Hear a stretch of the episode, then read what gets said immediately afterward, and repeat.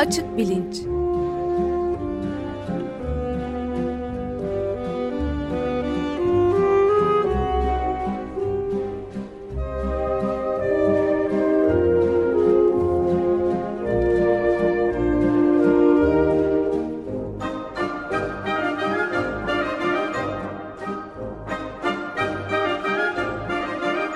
Güven Güzeldere ile bilim ve felsefe sohbetleri.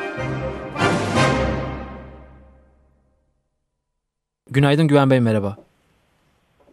Günaydın Can. Ee, bugün Ömer Madra yanımızda yok. Ee, çünkü kayıt yaptık pazartesi gününden bu programı bir gün önceden. Ee, ve hemen e, ardından o, o gün içerisinde dün gitmesi gerekiyordu. Biraz boğazında hafif bir e, soğuk algınlığından ötürü e, sorun vardı. Ama muhtemelen bugün içerisinde yayında olacaktır kendisi. Dinleyicilerimiz de bunu anlayacaklardır. Ama biz buradayız. E, bir şekilde devam ediyoruz e, konularımıza. Ama konularımızı ilk önce sizden ne olduğunu öğrenmek istiyoruz mümkünse.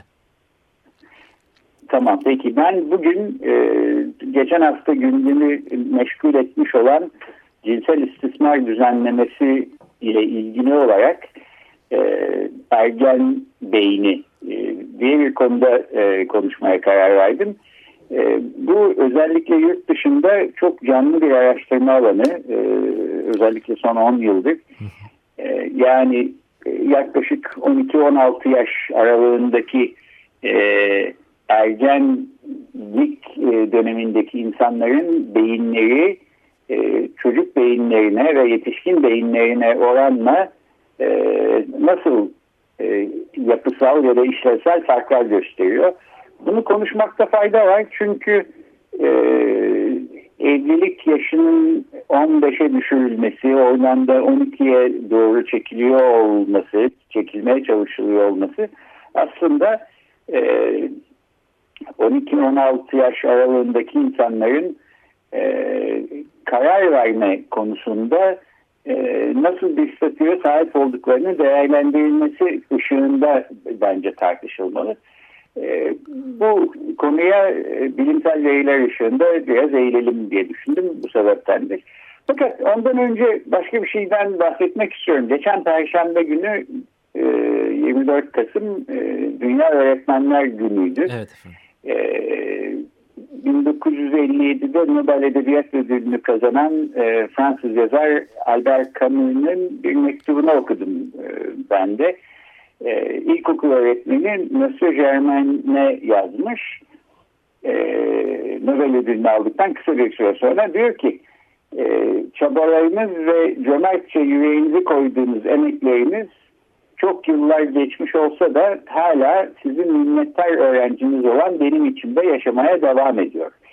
E, bu, bu mektup e, Camus'un genç yaşta ölümünden sonra e, yayınlanan e, romanı ilk adamın da içine eklenmiş ayrıca orada e, bulunabilir. E, ben de kendi adıma söyleyeyim benim hayatımda en önemli e, yeri tutan e, insanlar başında öğretmenlerim gelir. Evet. E, Dünya Öğretmenler Günü birkaç gün e, geçmiş olsa da e, bütün öğretmenlere e, selam ve saygı iletmek istedim programın başında. Kendi e, hayatımda önemli yer tutmuş e, üç öğretmenimi de izninle burada anayım. E, Alparslan İlkokulu'ndan ilkokul öğretmenim Naciye Gökçor'a, hı hı. E, Kadıköy Anadolu Lisesi'nden e, İngilizce Edebiyat öğretmenim Dicle Özdemilenoğlu. E, ikisi de vefat ettiler. Huzur içinde yatsınlar ve Boğaziçi Üniversitesi'nden felsefe hocam e, Profesör Yalçın Koç e, hepsini saygıyla e, bir kez daha anıyorum Dünya Öğretmenler Günü vesilesiyle. Evet. E, şuna da çok kısaca değineyim. Dünya Öğretmenler Günü ya da öğretmenlik demişken e, son 2-3 hafta boyunca Boğaziçi Üniversitesi'ndeki rektörlük seçimlerini konuştuk. E, daha önceki bir programda da e, Pınar Yolun bir Bil'le beyin güç meselesinden biraz bahsetmiştik. giderek köşeye sıkışmakta olan ve kuraklaşmakta olan bir akademik ortamın da dolayısıyla e, Türkiye'den beyin göçü e, eğiliminin yükselmekte olduğunu e, çok değişik yerlerden e, son e, zamanlarda e, sürekli duymaktayım. E, yani belki en iyi öğretmenlerimizi kaybetme tehlikesiyle karşı karşıyayız. Evet. Ee, Avrupa Birliği ile ilişkilerin koparılması ihtimaline dair e, herkes üst paydeden bir şeyler söylemeye çalışıyor. Burada e, hiç sözü geçmeyen bir mesele daha var. Avrupa Birliği ile ilişkilerin kopması başka pek çok olumsuz e, sonucun yanı sıra e, bilimsel çalışmalar ve akademik e, işbirliği için ayrılan fonların da sonunun gelmesi demek olacak. E, bu da olsa olsa Türkiye'den beyin göçünü hızlandıracak e, bir şey. Bu gidişatı bir an önce e, tersine çevirmezsek e, gerçekten yüksek öğretim e, ve bilim alanında Türkiye belki 20 sene 30 sene geriye düşmüş olacak. E, beyin gücü konusunda daha kapsamlı bir şey yapmayı düşünüyoruz demiştik. Bunun e, hazırlıklarını yapmaya çalışıyorum. Bunu da belirterek e, şimdi asıl gündem e, konumuza geçelim. Evet efendim. E, cinsel istismar düzenlemesi. E, siz de Açık Gazete'de epey bir üstünde durdunuz. E, önce e, tecavüzcülere tecavüz ettikleri e, kişilerle evlenirlerse af getiren bir düzenleme e, bu yasanın içinde e, olsun diye önerilmişti. E, fakat e, çok tepki toplayınca özellikle sivil toplum kuruluşlarından gelen direnişler sonucunda bu düzenleme şimdilik geri çekilmiş gibi gözüküyor.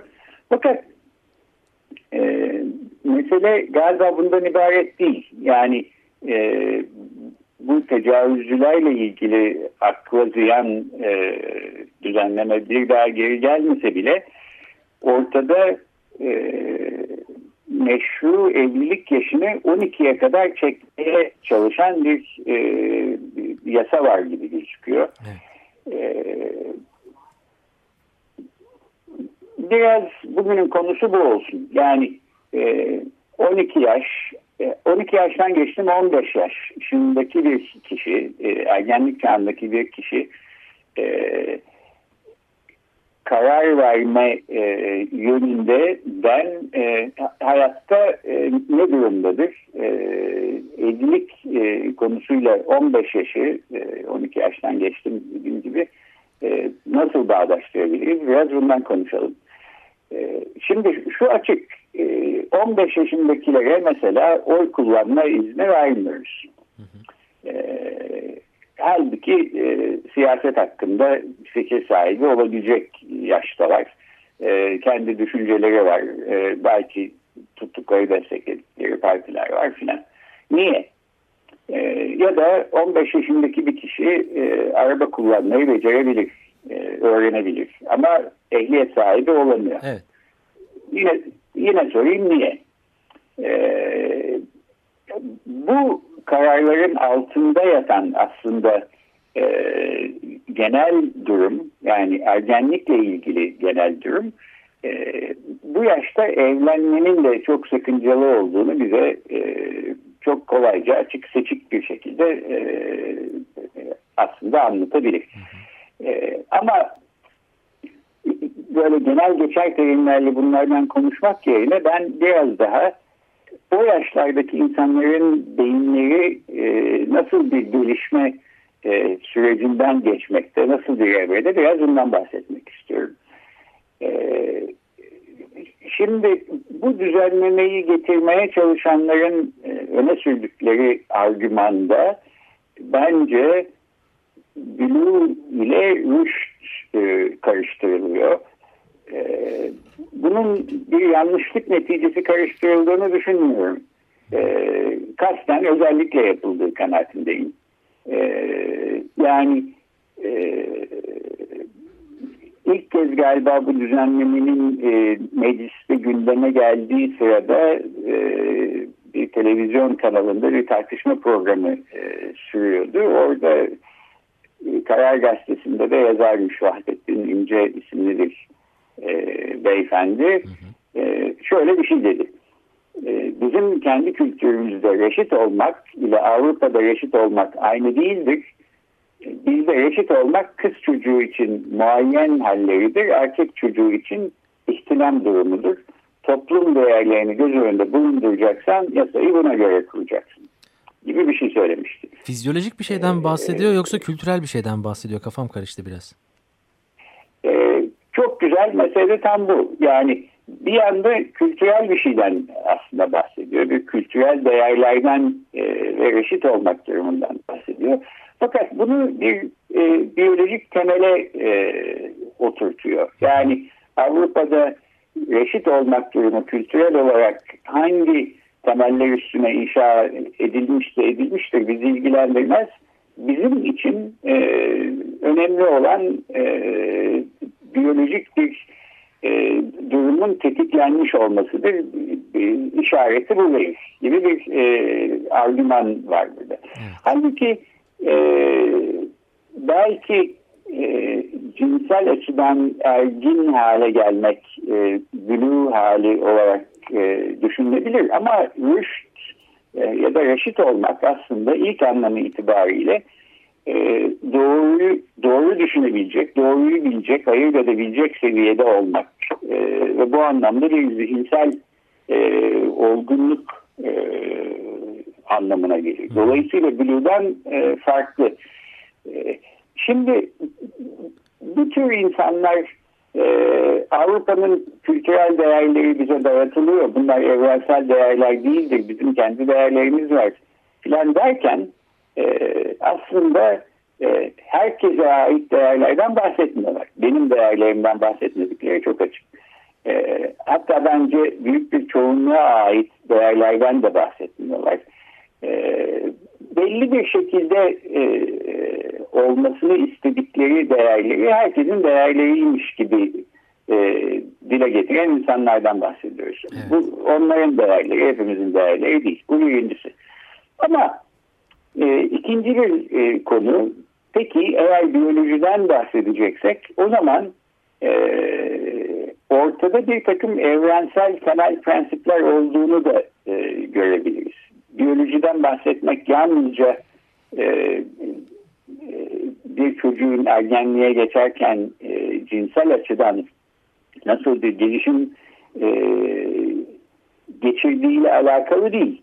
Aynı zamanda bilişsel olarak beyin gelişimi açısından da nasıl bir e, değişiklik geçirdiğiyle de alakalı. E, çok basit bir soru sorayım. E, 15 yaşındaki e, ergen genç insanlara niye oy kullanma hakkı vermiyoruz? E, siyasetle ilgili bir takım fikir sahibi e, olabilecek bir yaşta değiller mi? E, evet öyle bir yaştalar. E, bir takım siyasi partileri ya da fikirleri destekliyor olamazlar mı? Evet olabilirler bir kısmı da öyle hatta. Ama e, oy kullanma hakkı kendilerine o yaşta tanınmamış durumda. 15 ee, yaşındaki bir e, ergen kişi e, otomobil kullanmayı öğrenebilir mi? Elbette öğrenebilir ama ehliyet sahibi olamıyor. Bu hakkı da kendilerine vermiyoruz. Niye vermiyoruz acaba? Ve e, oy kullanma, e, ehliyet sahibi olma gibi hakları tanımadığımız insanlara ama e, evlenme kararını dayatmakta bir sakınca görmüyoruz sanki. Evet. 15 yaş e, halbuki evlilik kararı belki e, oy kullanmaya ya da ehliyet sahibi olmaya göre çok daha ciddi bir karar. Çünkü hayatımızın ancak beşte birini belki altıda birini tamamlamışız. Bu evrenin ilk en birinci evrenin sonundayız ve hayatımızın kalanını beşte dördünü belki e, ya da altıda beşini belirleyecek bir karar ile karşı karşıya e, kalıp bu kararı doğru ve sağlıklı bir şekilde e, verebileceğimizi düşünüyorsak e, yanılıyoruz. E, tabii bence bu düzenlemeyi yapmaya çalışanların e, böyle bir akıl yürütme e, sonucunda e, buraya vardıklarına dair herhangi bir e, belirti ortalıkta yok. Bence onun yerine bambaşka bir varsayım e, söz konusu. E, bir cinsiyet e, ayrımcılığına dayanan ve e, belki genç kadınların e, böyle bir kararı kendi hayatlarıyla ilgili kararları vermelerine gerek olmadığını düşünen e, bu anlamda e, bir an önce kendi temel işlevleri e, evlenip çocuk sahibi olmak e, olduğu için e, o yola doğru e, iteklenmelerinde bir sakınca e, görülmeyen bir anlayış e, olduğu kanaatindeyim. Buna programın en sonunda bir kez daha dönmek istiyorum. Fakat e, şimdi biraz bu ergen beyni diye geçen e, nörobilim literatüründe, beyin bilimleri literatüründeki çok canlı çalışma alanına kısaca bakmak isterim. Evet. E, Francis Jensen isimli bir e, nöroloji profesörünün e, The Teenage Brain diye bir kitabı var mesela. Herkesin anlayabileceği bir dille e, ama e, detayı dahil ederek e, uzunca boyla şunları anlatıyor. E, insan beynindeki e, karar mekanizmalarının karar mekanizmalarından sorumlu olan frontal ve prefrontal e, korteks alanları e, ergenlik döneminde e, müthiş bir gelişme halinde e, nöron grupları arasındaki bağlantılar stabil hale gelmemiş durumda. Yetişkin e, beyniyle e, ergen beyni arasında hem yapısal hem işlevsel farklılıklar var. E, aslında beyin ergen yaşlarımıza geldiğimizde insan beyni büyümesini büyük ölçüde tamamlamış e, durumda. Yani e, bir anlamda ergen beyninin yetişkin beynine çok benzer bir e, tarafı var.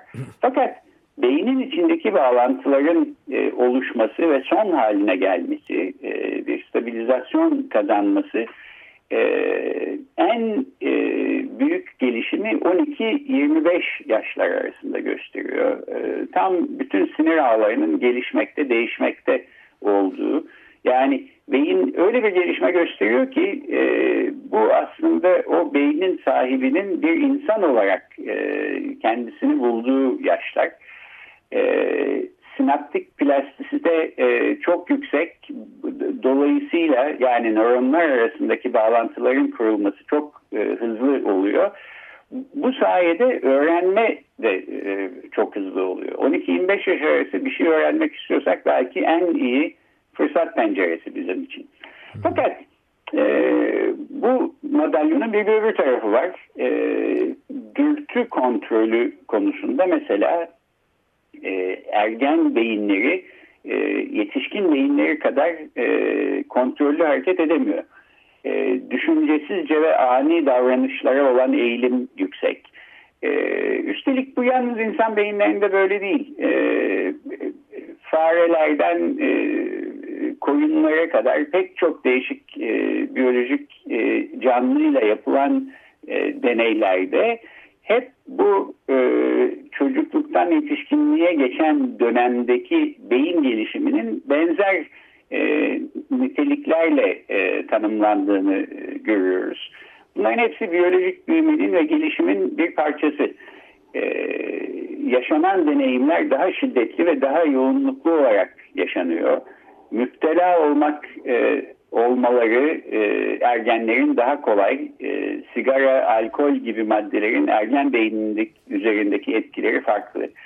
E, bütün bunları bir araya koyduğumuz zaman aslında e, ergenlik döneminin önemli kararlar vermek, insanın hayatının kalanını etkileyecek önemli kararlar vermek açısından çok e, iyi bir dönem e, olmadığını e, rahatça görebiliriz. E, bu e, çalışmanın, çalışmaların ana fikri bu. Bir tane de küçük deneysel e, çalışmadan bahsedeyim. Bunu da evet. Pittsburgh Üniversitesi'nde e, çalışan bir nöropsikiyatr yapmış. E, Beatriz Luna isimli bir profesör. E, bir ekranın karşısına e, denekler e, oturtuluyor. Ekranın ortasında bir artı işareti var ve bu artı işaretine e, odaklanmanız isteniyor. E, ve gözünüzü ondan ayırmamanız gerekiyor. Yapmanız gereken şey bu.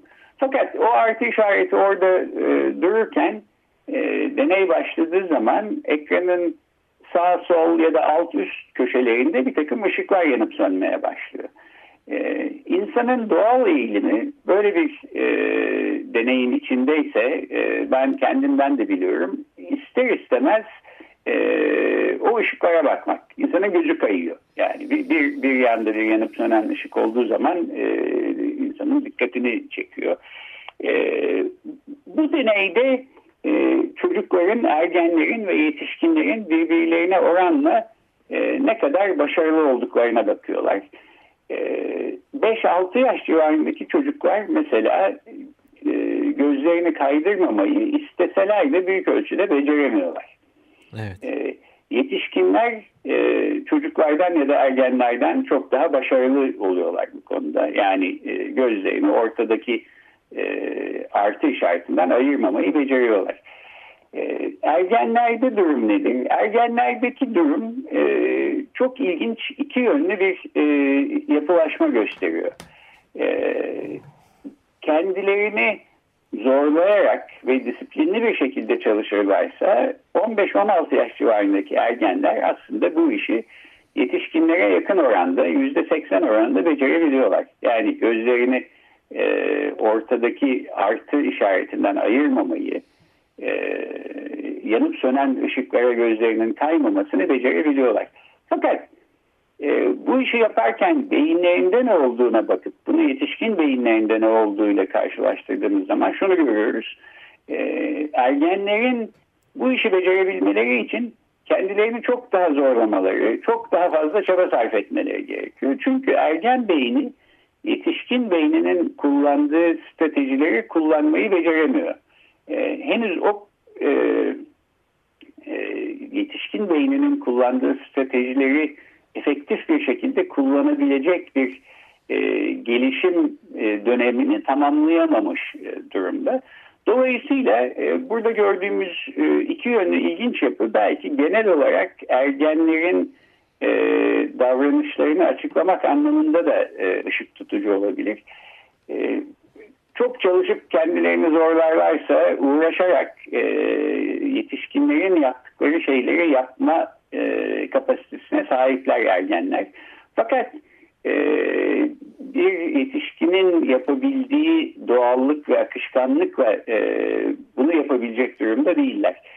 E, bu e, ergen beyninin gelişim e, göstermekte olduğu sürecinin aslında davranışa e, güzel bir yansıması. Bu yaşlar daha önce de söyledim öğrenme için e, en iyi yaşlar ama e, başka türlü yine bahsettiğim dürtü kontrolü konusunda e, düşüncesizce ve ani davranışlara eğilim gösterme e, konusunda e, ödenen bir takım bedeller de oluyor. E, bir insanın yetişkin hayatını belirleyecek bir karar vermesi için bu çok çalkantılı dönemin geçmesini beklemek en doğal ve en akıllıca şey. Bu e, aslında çok açık seçik. Buna bir de e, ergenlik çağında e, hormonal değişikliklerin tetiklenmiş olmasını eklersek aslında e, evlilik gibi bir kararın e, 15 yaşında verilebilmesinin e, verilmesinin sağlıklı olacağını hatta bunun 12 yaş gibi akla ziyan bir yaşa neredeyse pedofili sınırına çekilmeye çalışılmasının e, sağlıklı e, olacağını düşünmek ya da beklemenin e, hiçbir şekilde imkanı yok.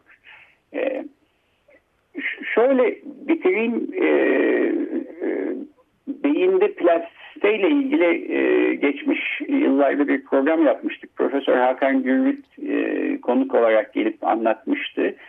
E, bir de kız erkek çocuklarda bilişsel yönden eşitlik ve cinsel ayrımcılık konusunu işleyen bir programımız daha var. Ben bunların ikisinin de bağlantılarını e, Twitter hesabına koydum. E, ilgilenenler bu programın öncülü olarak düşünerek onlara da bakabilirler. E, fakat genel anlamda ben şöyle bir varsayım görüyorum. Bu, bu tür düzenlemeleri yapmaya çalışan e, iktidar erkinin e, zihninde. E, burada bir cinsiyet ayrımcılığı var her şeyden önce.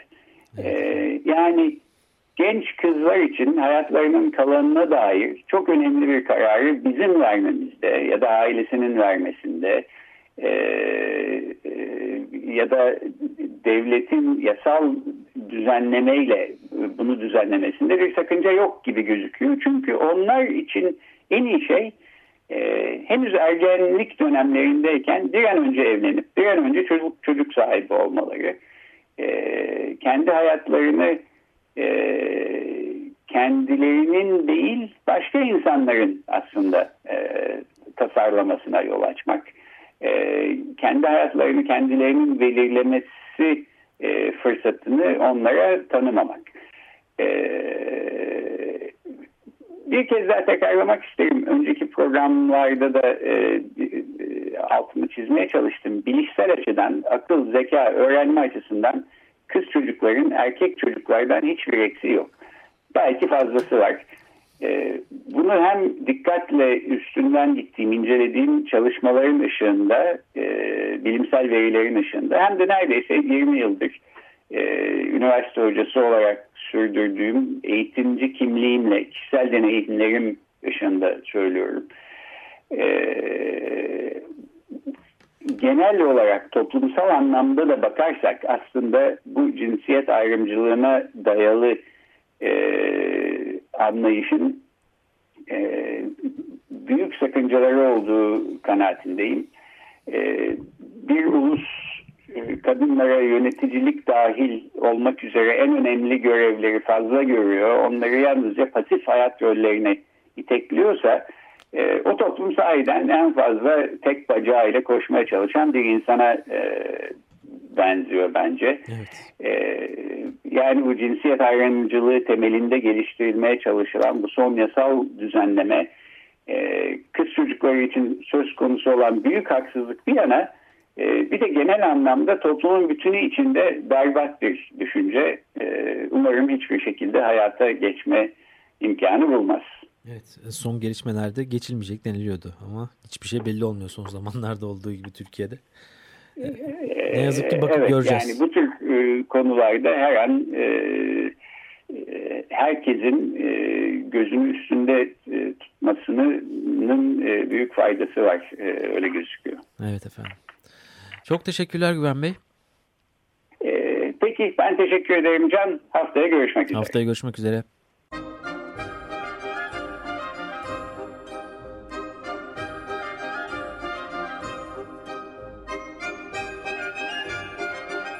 Açık Bilinç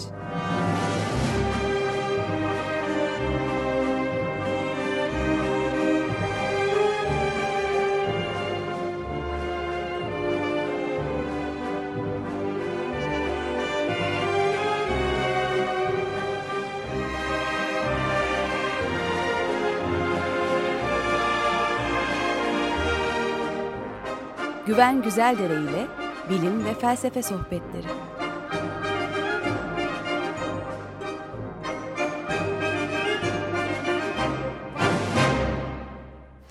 Açık Radyo program destekçisi olun.